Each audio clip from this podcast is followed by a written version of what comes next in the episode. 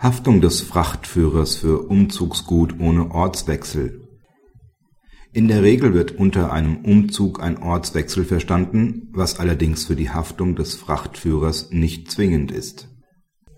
Im OLG-Bezirk Schleswig soll ein Transportunternehmen, weil eine Wohnungsrenovierung ansteht, eine Vitrine abbauen, diese einlagern und später wieder an den ursprünglichen Standort verbringen Dabei werden diese und die in ihr vorhandenen wertvollen Porzellanfiguren beschädigt. Die Kläger machen drei Jahre später Schadensersatzansprüche unter anderem gegen den Frachtführer geltend. Das OLG Schleswig weist die Klage ab, weil die Ansprüche jedenfalls verjährt sind.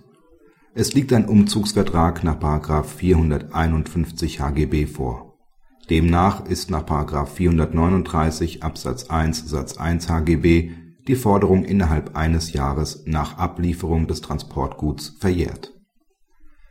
Ein solcher Umzugsvertrag mit der daraus resultierenden kurzen Verjährungsfrist ist auch dann gegeben, wenn das Transportgut nicht endgültig an einen anderen als den ursprünglichen Standort verbracht wird. Denn der Begriff Umzug ist weit auszulegen.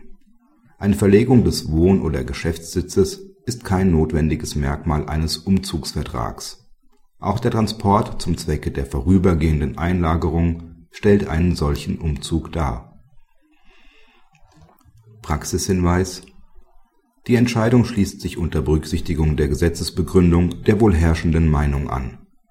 Insoweit erfolgt zur Begründung der zutreffende Hinweis, dass die Risikolage bei einer Einlagerung mit Weiter oder Rücktransport vollkommen gleich liegt für den Vertragspartner des Frachtführers ist bei der Verjährung vor allem von Bedeutung, dass deren Beginn nicht wie bei den allgemeinen Fristen anzusetzen ist, vielmehr stellt § 439 Absatz 2 HGB auf die Übergabe des Transportguts ab, was durchaus auch bei anderen kurzen Verjährungsfristen zu beachten ist. Auf die Erkennbarkeit der Beschädigung des Umzugsguts kommt es insoweit nicht an